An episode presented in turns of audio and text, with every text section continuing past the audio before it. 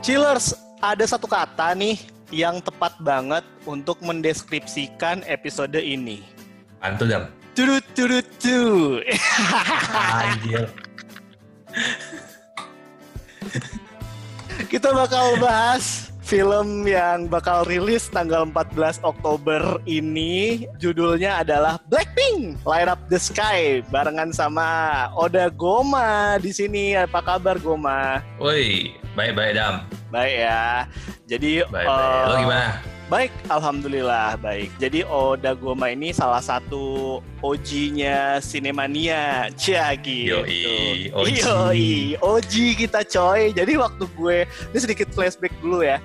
Waktu gue awal-awal bikin Sinemania, kan tuh masih di FIB gue. Ya kan, belum Iya, iya. belum pindah. Orang yang pertama kali bantu gue adalah Goma waktu itu.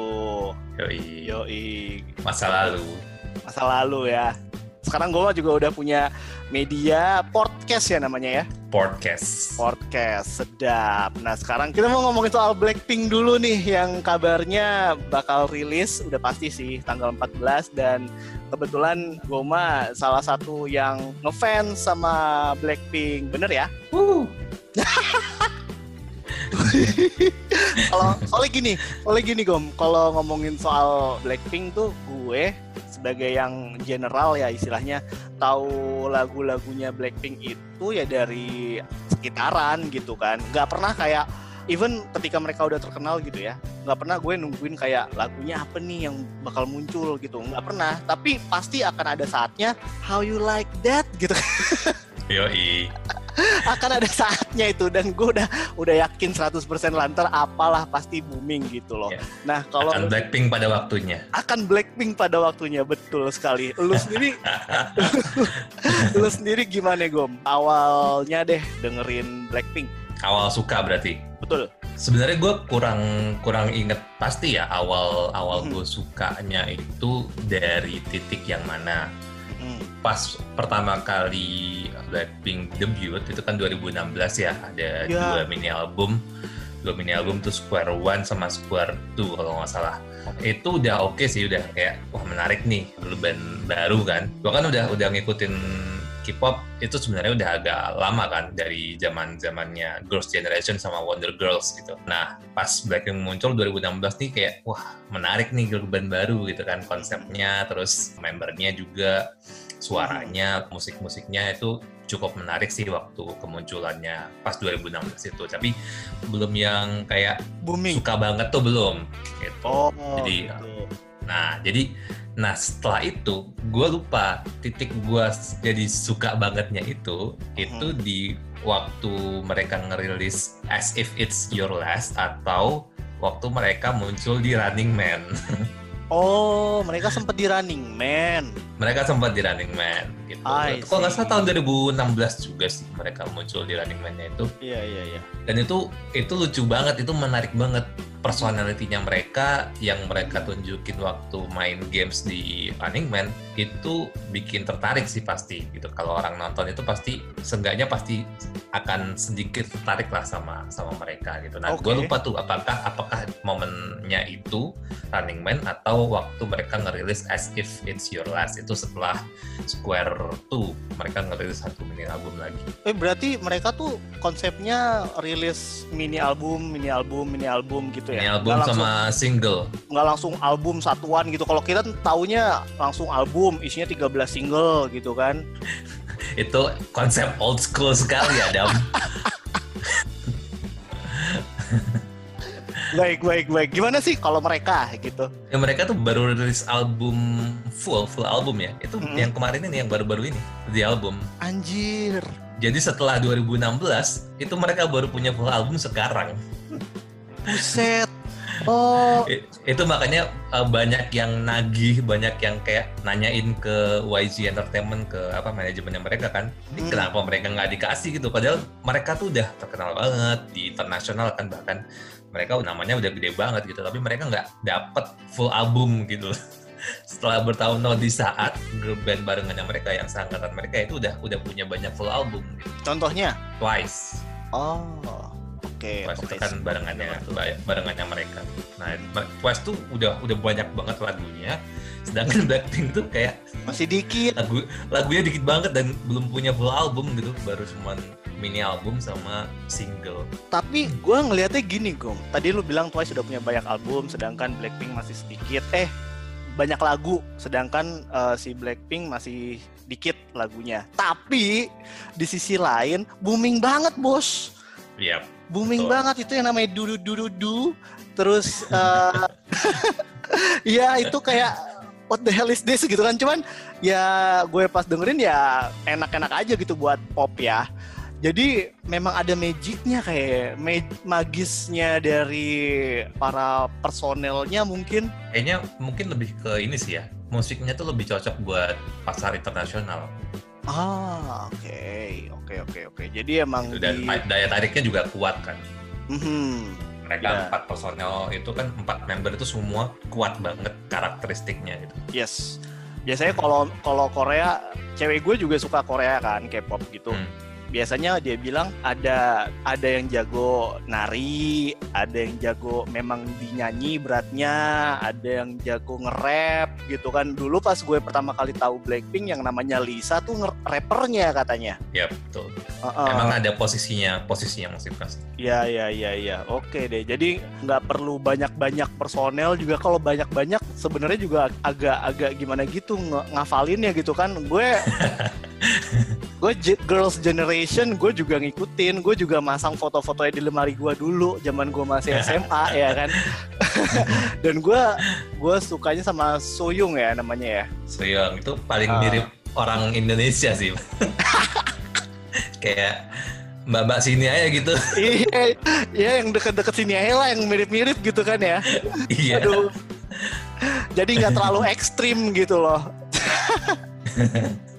Jadi gue awalnya sama sih eh, apa girl generation juga. Cuman kan banyak dia yang Iya. gue inget ya cuman dikit sampai sekarang yang gue inget cuman yang gue suka doang si Soyoung itu.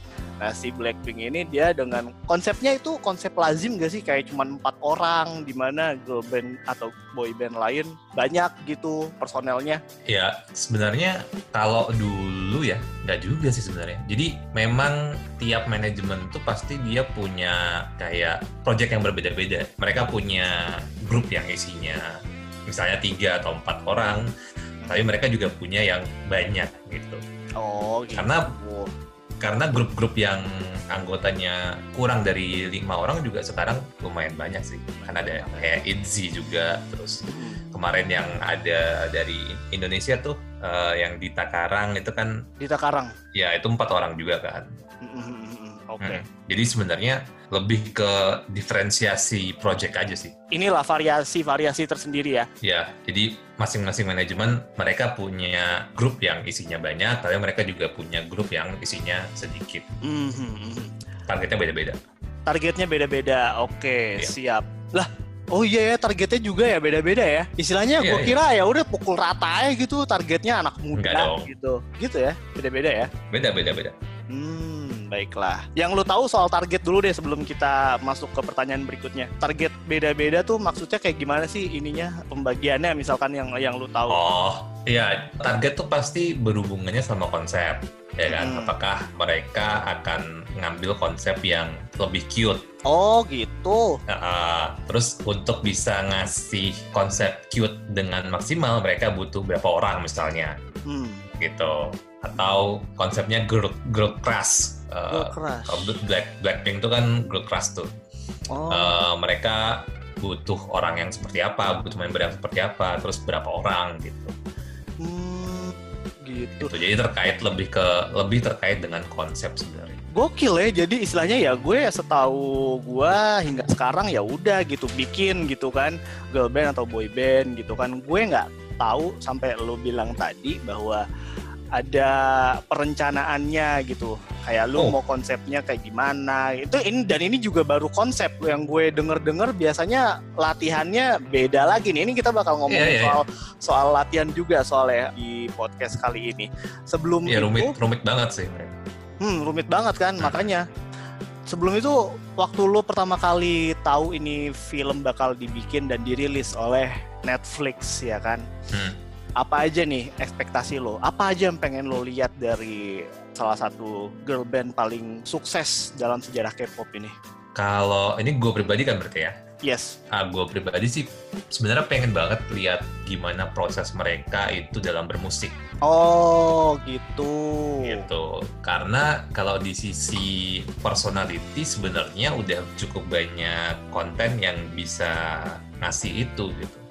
Hmm. Tapi di sisi proses bermusiknya itu gue kayaknya belum terlalu banyak nemu sih.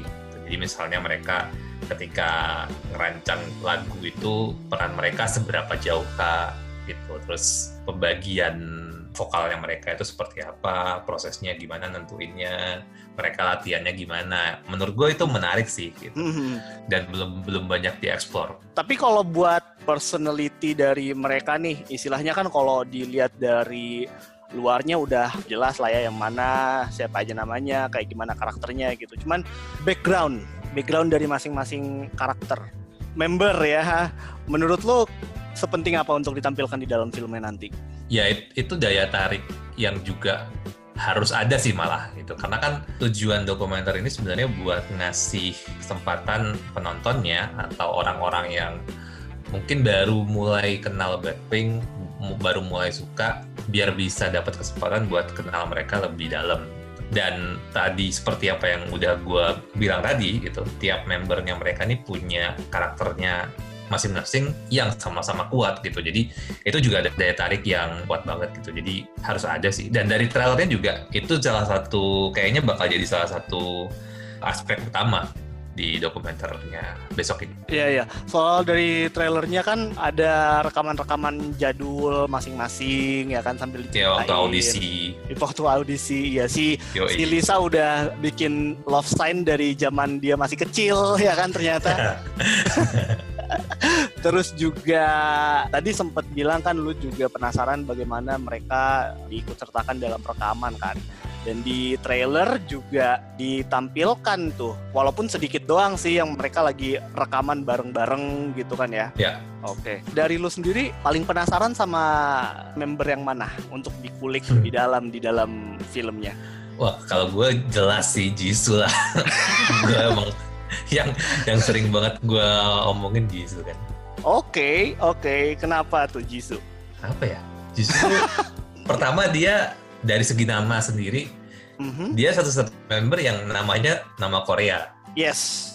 ya Yes, kan betul. yang lain kan ada pengaruh dari barat kan Barat. Rose Lisa nama panggung lah gitu nah Jisoo ini pakai nama aslinya dia nama Korea dia gitu terus dia kan juga istilahnya orang banyak bilang di Blackpink itu kan nggak ada leader kan kalau di grup lain kan ada leader ada Oh, pemimpin oke. grup ada Oke. posisi untuk leader gitu nah Kalau di Girls, Ge- Gen- Girls Generation siapa leader itu? Taeyeon Oh Taeyeon, oke. Tae Taeyeon SNSD ya kan, Yoi. sempet tuh. Kalau di Blackpink gimana? mereka nggak punya leader gitu. Tapi Jisoo ini semacam karena dia juga yang paling tua ya, jadi Oh. kayak dituakan gitu. Hmm, Nah tapi sebagai member yang dituakan, dia juga masih terlihat bocah gitu. Ekspresi-ekspresinya tuh kalau lihat di variety atau di show-nya juga pecicilan banget gitu. oke. Tapi Nah, biasanya kan, it- biasanya kan namanya juga performer kan apa yang ditunjukin di panggung mungkin beda dengan yang asli. Apalagi si Blackpink ini seperti yang lu bilang nggak ada leadernya. Takutnya kalau nggak ada leadernya itu egonya gimana ya mereka bisa mengontrol masing-masing? gue kurang tahu sih kalau itu Mhm. tapi mungkin karena membernya juga cuma empat ya jadi Iya lebih sih. muda gitu nggak terlalu butuh leader secara formal gitu tapi Mhm. kayak yang tadi gue bilang Jisoo tuh banyak yang bilang bahwa sebenarnya secara informal tuh dia leadernya Secara informal ya berarti secara ya. informal. Iya, lu, lu bayangin aja kalau misalkan ngumpulin member girl band, boy band berdua belas, bersepuluh, wow, udah kayak mau ini fokus grup discussion ya. Jadi ini mumpung, mumpung empat doang, lebih gampang kalau misalkan ada permasalahan ya kali ya, permasalahan atau ada slack, ego segala macem. Iya iya Tapi setahu lu nih, Blackpink tuh pernah nggak sih slack sesama gitu gimana girl group ataupun boy group di di Korea? Korea gitu di di K-pop itu menurut gua punya manajemen konflik yang cukup baik sih, bahkan bagus gitu karena jarang banget tuh kita tahu skandal-skandal di dalam grupnya mereka gitu. Kecuali beberapa ya, beberapa yang yang sempet bocor gitu. Hmm. Ya jadi sampai sekarang jarang banget ada grup yang ketahuan kalau mereka punya masalah gitu, termasuk Blackpink. Hmm, gitu. Jadi, Jadi nggak tahu beneran nggak ada itu atau ya emang nggak ketahuan aja gitu. Karena tadi sekali lagi manajemen konfliknya bagus banget. rasa-rasanya bagus. Mm-mm. Kira-kira jadi salah satu yang dimunculin gak sih di film nanti? Kalau misalkan eh walaupun kita tuh grup Hmm. yang solid ya namanya juga Iya, iya. manusia pasti ada konflik gitu. Kira-kira bakal dimunculin juga nggak menurut lo? Kalaupun ada, gua rasa sih bakal dimunculin ya. Kalaupun Hmm. mereka dapat footage-nya kan, belum tentu ketika mereka berkonflik ada footage-nya kan. Iya, belum tentu juga dibolehin buat ngambil. iya, footage. betul. Bener. Tapi kalaupun ternyata mereka dapat dan ternyata memang ada konflik mungkin yang kecil-kecil ya, Mm-mm. gue rasa sih itu menarik sih kalau mau mau ditampilin gitu. Dan kalau nggak salah kan mereka bikin video reaction juga kan? Yes, dari trailernya itu ya. Iya betul. Iya. Nah itu kan juga para membernya ini kan bilang bahwa dokumenter ini tuh kayak rekaman mereka yang lebih dalam gitu. Hmm, oke. Jadi dari dokumenter ini tuh kita bisa ngelihat sisi manusianya mereka yang lebih lebih dalam gitu daripada yang kita lihat selama ini. Menarik sih kalau memang memang ada gitu kan? Bukannya kita pengen cari keributan atau gimana ya? Iya cuman benar benar benar. biasanya kan salah satu yang bikin kita relate ya dia juga manusia kan istilahnya adalah adanya konflik gitu apalagi ini kan member gitu kan ada beberapa orang di dal- di dalamnya dan salah satunya adalah mungkin produsernya juga segala macam itu kan juga terlibat nggak mungkin lah nggak ada konflik tapi ya nggak tahu tadi seperti lo yang bilang manajemen konfliknya bagus banget berarti ini kalau misalkan si filmmakernya Hmm? itu dia kalau mau bikin dokumenter Blackpink nih izinnya berarti langsung ke ininya ya ke apa yang tadi lo Ke bilang YG pasti. YG. Entertainment. Oh gitu. Ada berapa? Itu namanya apa sih? Kayak agensi gitu. Ya agency, manajemen artis. Manajemen, manajemennya. Oh baik baik. Di Korea sendiri ada berapa tuh? Setahu lu banyak pasti ya. Ada banyak pasti. Tapi yang gede tuh eh, tadinya ada istilah Big Three. Big Oke. Three. Jadi tiga tiga manajemen paling gede tuh YG, JYP, sama SM. SM itu yang Girls' Generation. Oh iya, saya mah tahu gua. Yoi. Nah, Anak zaman Tapi belakangan- tahu. anak anak dulu, anak, Anak dulu. dulu. Nah, tapi belakangan ini ada satu manajemen lagi yang langsung gede banget namanya. Bahkan kalau nggak salah udah nyalip YG. Oke. Itu big hit agensinya BTS. Wah, BTS juga sih. Iya iya iya. Kemarin gue lihat ini sedikit intermezzo doang sih kalau soal BTS tuh kemarin mereka tampil di Variety. Di covernya kalau nggak salah. Hmm. Cover majalah Variety satu-satu tampil dan itu apa ya semakin ke sini semakin nandain kalau K-pop tuh semakin diterima oleh nggak cuman fanbase tertentu tapi juga dunia secara keseluruhan ya.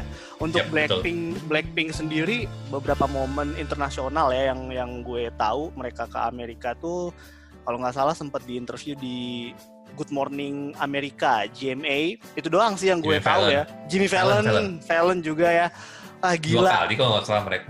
Dua kali ke Jimmy Fallon. Udah, udah dua kali. Se -se Seingat gue ya, udah dua kali. Wah, apa aja highlights yang lainnya yang lo tahu Gom soal si uh, momen-momennya Blackpink ini ketika mereka udah ada di udah, udah sukses lah, udah banyak dikenal. Yang bakal ada di dokumenter apa apa apa aja yang menurut lo bakal ada di dokumenter atau yang lo harapkan ada di dokumenter? Monggo. yang jelas sih yang kayaknya bakal ada ya dan salah satu pencapaian mereka juga sih itu di Coachella Oh iya, waktu mereka masuk ke Coachella di- iya. Waktu itu di itu momen, trailer momen momen gede banget sih itu di trailer gue liatnya the first uh, Korean girl band kalau nggak salah dia bilangnya Ya. yang mampir atau tampil bahkan di Coachella ya. 2000 Ya. berapa sih itu? 2018 kalau nggak 19 ya. Gila ya. Istilahnya dalam rangka jangka waktu yang singkat gitu 16, 17, 18, 19, 20 mereka udah Iya. udah ini banget, udah jadi sensation banget gitu kan istilah kata kalau dibandingin sama sama mungkin artis-artis zaman dulu kayaknya rentang waktu segitu cepet banget ya nggak sih? Iya iya benar. Ya karena sekarang semuanya global juga kan Global, YouTube, uh, Spotify itu kan bikin dinding regional tuh udah blur banget gitu. Jadi semuanya Hmm. dunia, omongannya tuh udah dunia sekarang. Jadi progres tuh pasti akan cepet banget gitu. Kalau memang punya potensi dan disukai gitu, bakal cepet banget. Oke dan K-pop tuh selalu arahnya ke sana ya istilah kata gue nggak pengen bikin kayak idol yang cuman ngetop di negara gue tapi juga untuk dunia gitu ya. Iya kan mereka juga punya program budaya kan, yang Mhm. Hallyu. Ya salah satu pilar utamanya kan ya K-pop. Yes betul. itu kan misi-misi budayanya mereka. Mereka bisa tumbuh jadi negara kayak gini, kayak sekarang ini, dengan brand-brand yang dipakai sama seluruh orang di dunia itu. Mhm. Ya itu kan karena salah satunya karena misi budaya mereka. Betul. Iya iya iya. Dari segala macem lah sampai ke makanan juga loh, gila. Iya pada benar. pada apa namanya? Pada makan makanan Korea gara-gara lihat di eh, Drama. drama, ya kan? Betul sekali. Aduh, gua makan japaguri gara-gara lihat Parasite, ya kan? BTW, ini kita balik lagi ke ini deh, ke para personelnya karena ini pasti tentang Ah. mereka berempat ya. Setahu lu, Gom, ini kan Hmm, untuk menjadi seorang idol itu Hmm. kan pasti perjalanannya panjang banget, susah banget. Nah, yang lo tahu soal keempat orang ini perjuangannya seperti apa sih? hmm, gue nggak terlalu ngikutin pre-debutnya mereka sih. It's okay. Cuma yang gue tahu masing-masing member itu Hmm. udah meniti karir duluan sebelum mereka debut di Blackpink. Blackpink. Hmm, Jadi sebelum mereka jadi Blackpink terus debut di tahun 2016 tuh mereka udah punya karirnya masing-masing sebenarnya. Oh, gitu. Ya, nah yang paling kuat itu Jennie. Setahu gue ya, Hmm. setahu gue yang paling kuat tuh Jennie. Kenapa? Eh, kenapanya nggak tahu. Tapi banyak, lihat di banyak- film ada ya kali kan. Oke oke. tapi banyak banyak yang bilang memang Jennie itu kayak anak emasnya YG. Oh baiklah. Makanya yang yang dapat solo project baru Jennie kan. Tapi ya terlepas itu bener atau enggak ya, memang Jennie daya tariknya kuat juga kan. Mhm, ya. Personalitinya dia, terus suaranya dia itu juga kuat banget sehingga ya wajar aja kalau misalnya dia dapat solo project dan karirnya juga cukup cemerlang lah. Tadi juga kan dibilangin kalau sebelum mereka debut sebagai Blackpink tahun 2016 mereka sempat solo solo karir dulu ya, punya karir dulu lah istilahnya sebelum Blackpink. Iya. Apa aja sih yang keempat orang ini lakukan gitu sebelum gabung? Seingat gue ya, Mhm. Jisoo itu udah jadi bintang iklan, main di iklan, di banyak iklan. Model iklan. Model iklan, betul. I see. Model iklan. Terus dia juga, tapi ini entah waktu udah debut di Blackpink atau sebelum ya, dia udah jadi cameo juga di beberapa drama. Ah. Kayak Cameo selewat-selewat gitu lah. Iya iya iya, lumayan. Lumayan. Oke itu Jisoo. Oh pastilah yang paling yang paling disebut pertama mah yang yang dia suka, yang paling dia fans ya kan. Yang lain gimana Gom tahu nggak? Ah, enggak, gue kurang tahu. Atau gue nggak inget. Ah oke. Jadi itu ya Iya. Killers beberapa Iya. kisah sebelum mereka tuh gabung di Blackpink. Tapi pastinya seperti yang tadi Dan itu itu banyak, ba- Ya. eh, kayaknya bakal bakal jadi aspek utama di dokumenter nanti sih. Cerita mereka sebelum debut itu. Mhm. Dan itu juga belum banyak diketahui kan istilah kata ya. Ya, terutama buat yang fans casual ya. Mhm, Kalau casual fans. fans. Kalau bling bling mendarah daging sih, tidak tahu. itu itu banyak ya Gom. Banyak lah, banyak banget. Gila. Namanya apa tadi? Bling itu kan salah satu bling bling bling itu kan Hmm. salah satu fanbase yang paling kuat dan paling militan gitu. Masa paling sih? saingannya, ya paling saingannya Army, Army-nya BTS. Wah gila. Lah fans-fansnya SNSD kayak kita gimana nih Gom? Wadaw, sudah sudah ini berumur ya. Ngomongin soal orang di balik layar, ada satu Ah. karakter, satu tokoh deh yang Hmm. gue baru tahu dan itu gue lihat di trailer. Namanya adalah Teddy Park ya. Namanya adalah Oh, Teddy, Teddy, ya. Park. Ha-ha. Ini kayaknya dia punya peran yang sangat penting ya buat Blackpink sehingga sampai ditampilkan di trailer dikasih tahu namanya siapa segala Gede macam. banget, Oh ya? gede banget. Oh, Teddy itu lebih tepatnya bukan untuk Blackpink aja ya, tapi buat Oh. YG.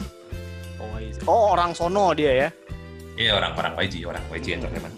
Oke. Dia tuh produser, produser. Oh, ini bahas bahas Teddy kan kita? Hmm, bahas Teddy kita. Ya, gue gue sebenarnya nggak terlalu banyak tahu, cuman Hmm. kalau mau dirangkum ya, Teddy itu produser tadinya dia musisi, dia rapper, rapper Oke. di grup hip hop di masa-masa awal kejayaannya K-pop. My Lekon. Apaan tuh? Lu gak tahu My Lekon? Lu harus nggak, cari. Itu itu itu lagu K-pop pertama yang gue dengerin tuh My Lekon. Oh, Zaman gue masih zaman zaman gue masih SD. Serius gue SD kelas berapa ya gue? Kelas 4 apa kelas 3? gue belum gue belum terpapar internet itu zaman itu Aduh. Oke, Masih jadi di desa jadi di jadi si Teddy ini awalnya adalah rapper. Oh, rapper di salah satu grup hip hop uh, Oke. setahu gue ya terus habis itu dia gabung tapi gue nggak tahu dan nggak tahu juga lagunya kayak gimana tuh grupnya Teddy gitu Udah, ntar, ntar bahas My Lekon lagi kan, janganlah. Udah itu ya terus masa terus, lalu. terus dia ya terus dia gabung ke YG Entertainment sebagai produser musik terus jadi salah satu orang yang bikin Tunewan sukses juga Oh, oh tuh namanya tuh saingan itu saingannya ini saingannya apa SNSD First Generation tuh nyebutnya Tunewan. Nggak tahu juga sih entah bener entah salah tadi Gua gua kira 21 bukan ya? Ternyata Tunewan ya. ya mungkin juga kayak gitu tahu deh Oke, Gua kita balik lagi ke Blackpink aja. Kan kita balik ke Teddy ya, tim- Teddy. tim Girls Generation Oh iya. iya. gua nggak mikirin gua gua nggak mikirin yang lain, gua nggak mikirin girl band lain, yang penting Girls Generation dan Soyoung ya. Boleh juga dia ininya ngelesnya ajak siaran aja apa besok. Ini balik ke Bang Teddy. Jadi dia ya, gimana tuh Gom? Monggo ya, dilanjutkan. jadi dia salah satu salah satu yang punya peran gede juga di Mhm. kesuksesannya Tunewan. Nah terus ya Oke. habis itu berlanjut ke grup-grup yang lain. Terutama di Blackpink dia kalau bukan semua lagunya ya. Nyaris semua lagunya mungkin kalau kalau bukan semua lagunya itu diproduserin sama Teddy Hmm, jadi oke. produser musiknya apa dari lagu-lagunya Blackpink itu kalau bukan semuanya nyaris semuanya itu diproduseri Teddy Oh, oke. Jadi dia yang ini ya kayak ngasih arahan kayak gimana nanti musiknya gitu ya. Yap, kurang Nah. lebih sih gitu ya Iramanya kayak gimana, nanti pembagian-pembagian porsi nyanyinya gimana segala macam. Lisa kapan nge-rapnya gitu ya. ya kemungkinan besar kayak gitu sih jadi entah entah dia di produser kan kalau di di lagu di Korea itu biasanya kebaginya jadi lirik komposer sama produser lirikis komposer sama produser gitu nah Teddy ini pasti ada di salah satu atau malah bahkan tiga-tiganya Buset. Oh, oke. jadi emang emang emang gede banget Mhm. perannya dia perannya dia bakal vital banget ya di dalam film ya. Jadi nggak cuman soal si keempat personelnya aja, tapi juga soal produsernya. Kira-kira ada lagi nggak figur di balik kesuksesan Blackpink yang bakal ditampilin atau Betul. menurut lo butuh untuk ditampilin? kalau yang di trailer kan yang udah pasti Teddy ya Mm-mm. tapi kan bisa jadi ada yang nggak muncul di trailer tapi nanti muncul di di dokumenternya kan entah itu pertimbangannya surprise atau memang ya terba keterbatasan durasi trailer aja gitu Hmm. tapi pun kalau misalnya ada yang yang lain selain Teddy yang bakal muncul kemungkinan besar ya YG si si siapa namanya ya itulah Pak Haji Pak Haji YG Oh, bosnya, bos Iya. besar. betul buat Oh, besar Oke, bos besar. ya, ya, ya. Eh, sama mungkin ya bakal menarik kalau senior seniornya muncul sih. Seni. Tunewan, Oh. ya Tunewan atau Big Bang. Oh my god, mereka Ya, tuh itu kan satu. grup grupnya YG. Oh satu ya. Buat gue yang cuman sekedar tahu nama, oh jadi informasi baru juga nih. Berarti mantep-mantep juga ya mereka ya ininya grup-grupnya ya. Iya ya, Sedap dah itu YG itu salah satu yang efektif sih. Mereka nggak terlalu banyak grup, tapi kebanyakan yang yang debut itu jadi semua. Jadi semua ya. Hmm. Oke, baik-baik. Tapi biasanya nih gue cuman penasaran doang sih Gom kalau buat K-pop industry ya. Girl band, boy band, itu mereka tuh biasanya berapa tahun sih ininya diasuhnya istilah kata dan ketika mereka sudah memasuki masa uzur, let's say ya, biasanya mereka ya udah dilepas gitu atau masih di kerjasama dijadiin apa gitu Saat trainingnya macem-macem banget sih, rentangnya tuh lebar banget. Dan Hmm, oke. dari mulai yang paling dua tahun tiga tahun gitu. Atau ada yang belasan tahun puluhan tahun bahkan nggak debut debut lah ada juga banyak. Itu baru ngomongin training. iya bener. Yang nggak pernah debut seumur hidupnya juga banyak banget gitu. Terus ya makanya keras banget kan di situ. Persaingannya gede terus seleksinya juga ketat banget.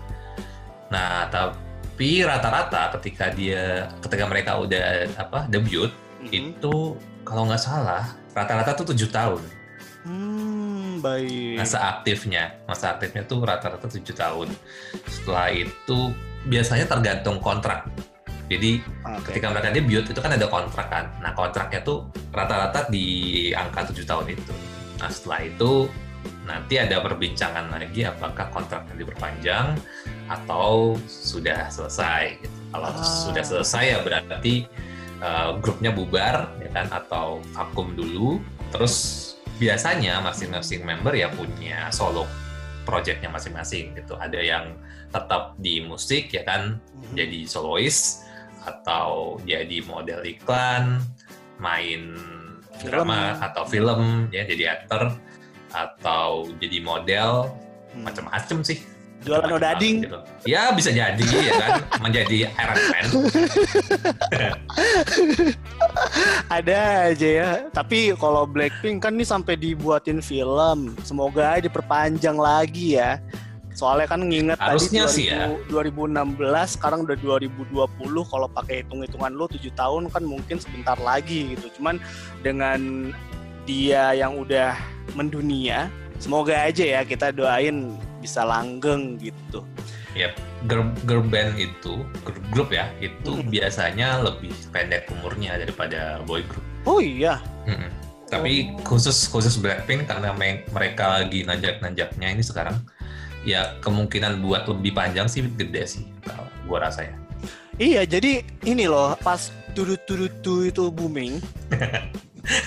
gua lupa judulnya apa sih? Eh, Ya itu judulnya sama. Gimana sih? Oke, baiklah. Nah, waktu itu booming, gue kira nih girl band cuman one hit wonder doang gitu loh. Hmm. Ya, walaupun gue nggak tahu nih di Korea sana apakah juga mengenal one hit wonder gitu. Cuman gue rasa ya Banyak udahlah. Oh banyak juga ya, Sama ada juga aja. ya, sama ya. Nah, gua Banyak, gua, gua kira mereka kayak begitu. Cuman waktu Blackpink itu ngerilis yang How You Like That itu, wah Hmm. gila, boomingnya. Kill This Love dulu bro. Enggak, gua eh, yang First first bomb first bombnya tuh di Kill This Love. Eh iya benar. Iya iya, pokoknya se- ternyata mereka nggak cuman berhenti booming dari turut-turutu doang gitu loh. Jadi Iya. ada lagi booming lagi dan booming lagi, terus Jennie juga solo solo single dan booming juga ya kan. Jadi kayak wah gila makin lama justru mereka bikin candu banget, makin mendunia juga. Dan tadi lu bilang bahwa mereka sistem udah nggak pakai yang zaman dulu, which is mini album, mini album, terus nantinya baru album.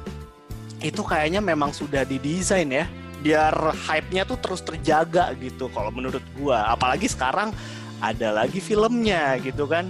Iya. iya. Menurut gua gitu. Kalau menurut lo gimana tuh Gom? soal gimana mereka membangun hype, konsistensi hingga saat ini. Iya, oke okay sih. Dan karena emang emang kebanyakan gitu di grupnya K-pop itu memang didesain untuk namanya kan comeback ya ketika mereka ngerilis single atau mini album tuh mhm. disebutnya comeback memang didesain untuk sesering mungkin comeback.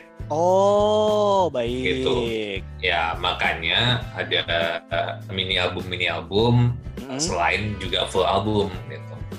Nah tapi untuk Blackpink kayaknya sih kasusnya agak agak unik ya itu karena oke okay, karena kan harusnya full album kalau kalau dengan desain yang biasa ya mm-hmm. kalau dengan desain yang biasa kan harusnya full album udah dari kapan tahu gitu dari kemarin kemarin gitu cuma banyak yang bilang ini sebenarnya kesalahan di di manajemennya YG.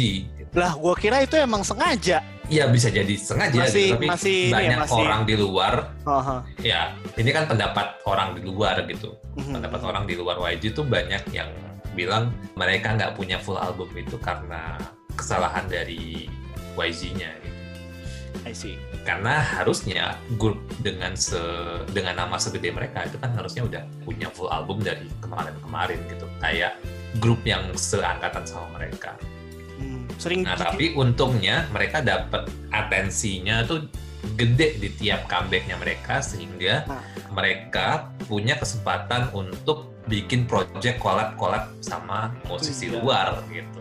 Itu luar biasa sih. Gue juga baru pertama kali sih kalau gue ya sebagai general audience gitu tahu ada girl band atau boy band Korea yang kerjasama dengan segitu banyak musisi Amerika sih baru Blackpink sih yang gue tahu. Iya iya, yang paling banyak emang mereka. Berarti itu tadi emang ada beberapa musisi yang sudah berkolaborasi dengan Blackpink, ada yang MV-nya udah rilis, ada yang MV-nya belum rilis. Cuman memang bottom line-nya adalah ini grup girl band luar biasa sih, luar biasa banget. Dan kita sih ngelihatnya gak cuma dari skill mereka, tapi juga dari karakteristiknya kali ya. Yep. Karakteristiknya. Deskripsiin dong karakteristiknya Gom, kalau menurut lo satu demi satu dari Jisoo dulu lah. Menurut gue nih ya. Iya, iya, iya. Jisoo tuh udah jelas dia visual ya kan. Yang paling cantik gitu dan paling Korea lah.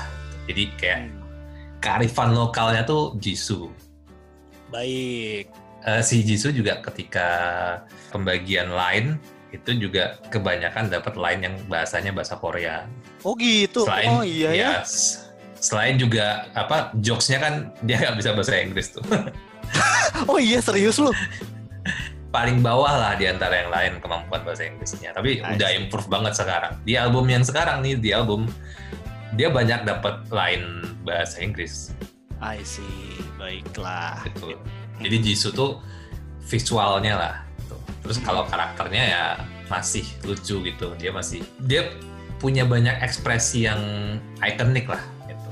Hmm. Si Jisoo ini. Jadi walaupun dia paling tua, dituakan katanya, tapi juga nggak jaim gitu. Masih hancur lah. oh iya ya, baiklah kakak ya. pertama. nah terus okay. kalau kalau Jenny itu lebih ke princess. Oh, oke. Okay. Itu dia kayak putri banget lah gitu. Terus mm -hmm. paling menonjol tuh dia pasti Jenny. Lagu Blackpink hampir semuanya dimulai atau dibuka sama Jenny. Jadi line pembukanya itu pasti Jenny. Oke, baik. Nah, terus uh, kalau Rose udah pasti yang paling bagus suaranya ya kan. Wah, banyak orang yang bilang kayak gitu. Uh, karena dia juga posisinya kan vokalis utama. Mm-hmm. Terus kalem tapi anaknya nggak banyak tingkah gitu. Tapi makin ke sini makin sering dapat kesempatan buat explore emosinya dia sih. Terutama di MV tuh dia banyak dapat momen yang bagus banget buat ngeluarin emosinya dia. Mm-hmm. Udah beberapa kali dapat dapat adegan nangis dan bagus bagus semua tuh adegan nangisnya dia. Mantap. Terus kalau si Lisa itu udah pasti yang paling badass gitu kan. Iya. Yeah. Ya. benar benar benar. Lisa adalah cahaya ASEAN.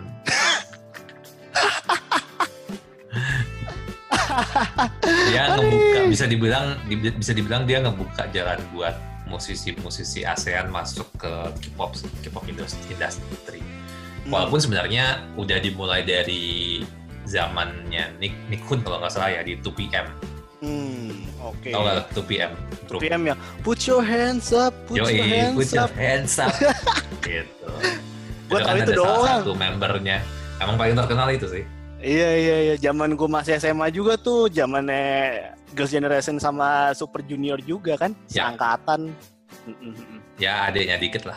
Ada dikit. Oke. Nah, itu tuh tadi beberapa karakteristik dari keempat personel ini. Gue yakin semua ya? banget Ntar ada yang kelewat lagi. Rose udah, Jenny udah kan Rose, udah, Jisoo, Liz. Jisoo pertama Udah. tadi, Jenny. Oh, lo ya. Jisoo pertama iya, lu tahu kan? Ya ntar gue dimarahin lagi kan kalau ada yang kelewat. sama teman-teman Blink ya. Tadi keempatnya udah kita bahas. Gue yakin yakin banget kalau karakteristiknya juga bakal dikulik lebih dalam di dalam dokumenternya nanti Light Up the Sky.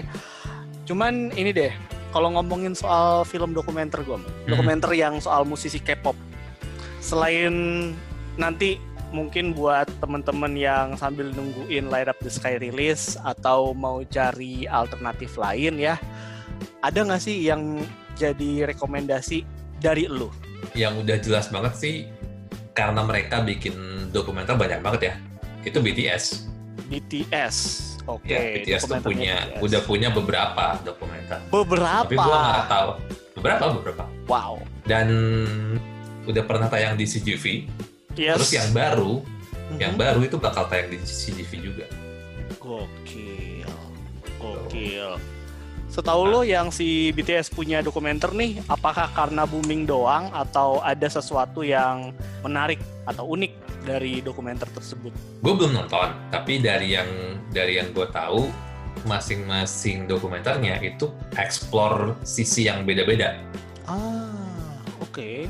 gitu. Jadi menarik sih buat ajarin perjalanannya BTS atau mungkin ya K-pop secara general BTS film dokumenternya BTS bisa jadi salah satu pilihan sih. Selain itu juga yang udah pernah tayang di CGV kan ada Twice Twice, oke. sama Ice One. Ice One tapi belum sempet tuh kemarin udah mau udah masuk coming soon di CGV tapi terus mereka dapat skandal kan jadi tunda tayangnya. Tapi kemungkinan nanti waktu bioskop udah buka lagi bakal jadi salah satu yang menunggu buat dirilis. Mhm.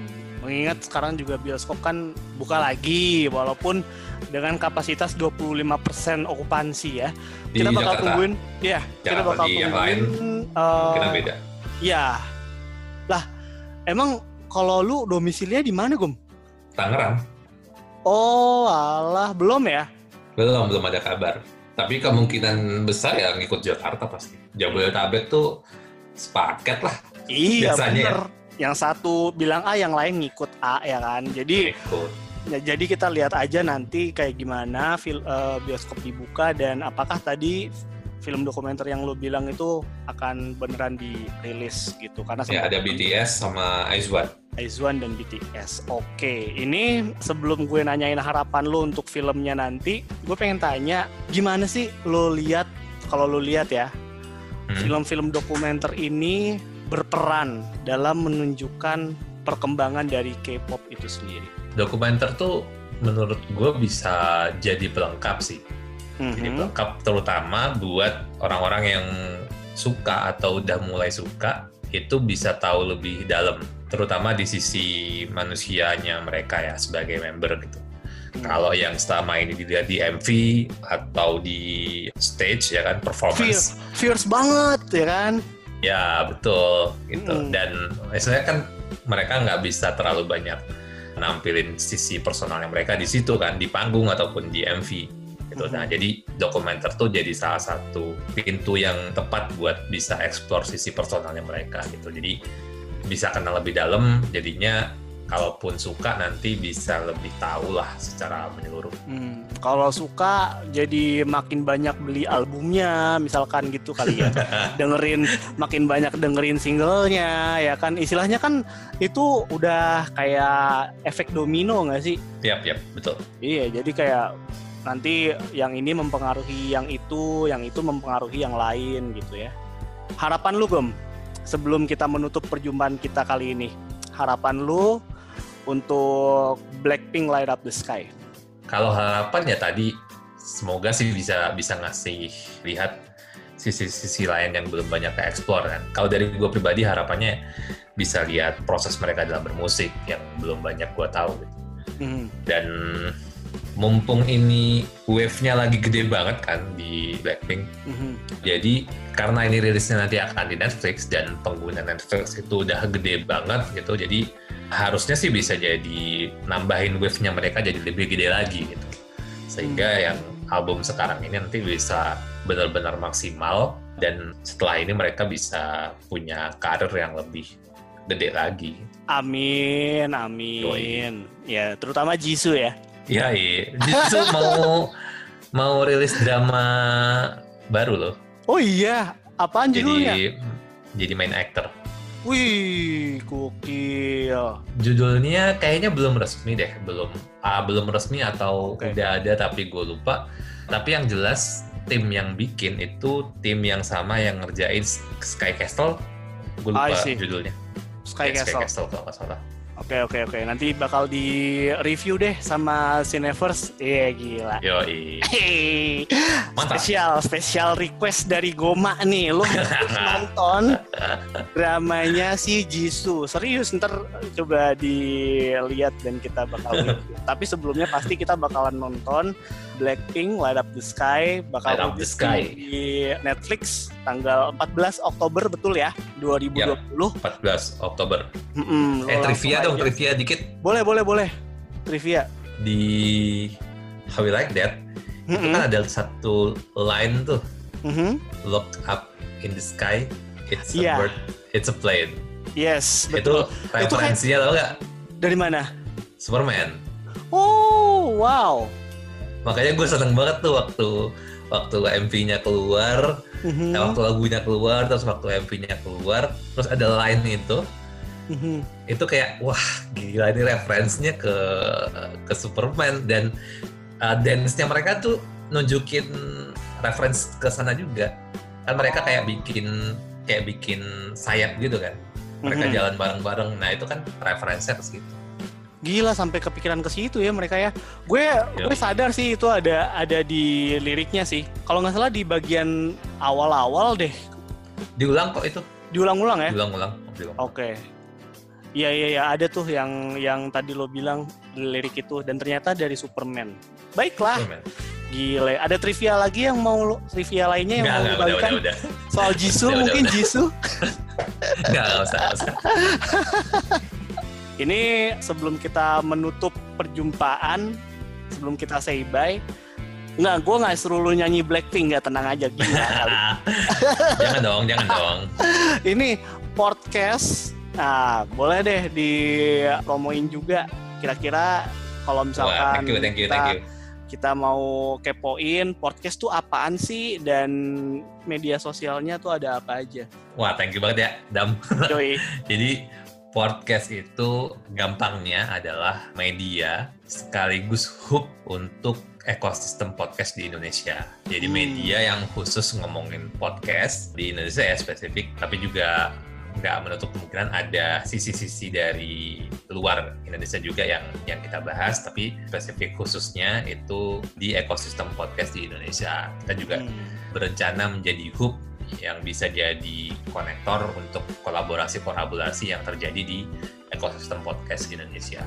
Mumpung podcast kan lagi naik bertumbuh banget. banget nih gitu dan hmm. gua rasa gue dan teman-teman podcast berpendapat bahwa ya podcast ini bisa jadi konten yang bermanfaat banget buat buat kita gitu karena keunikannya yang bisa didengarkan kapan pun ya kan hmm. mau disambil juga bisa banget tuh hmm terus juga on demand ya kan jadi kita bisa pilih sendiri kita mau dengerin apa kapan di mana itu bisa banget gitu. jadi Betul. karena dia unik jadi ini kayaknya perlu banget diketahui sama lebih banyak orang gitu nah termasuk yang sekarang ini kita lagi ngobrol kan podcast juga kan yo iya betul sedap jadi kalau cari-cari informasi mm -hmm.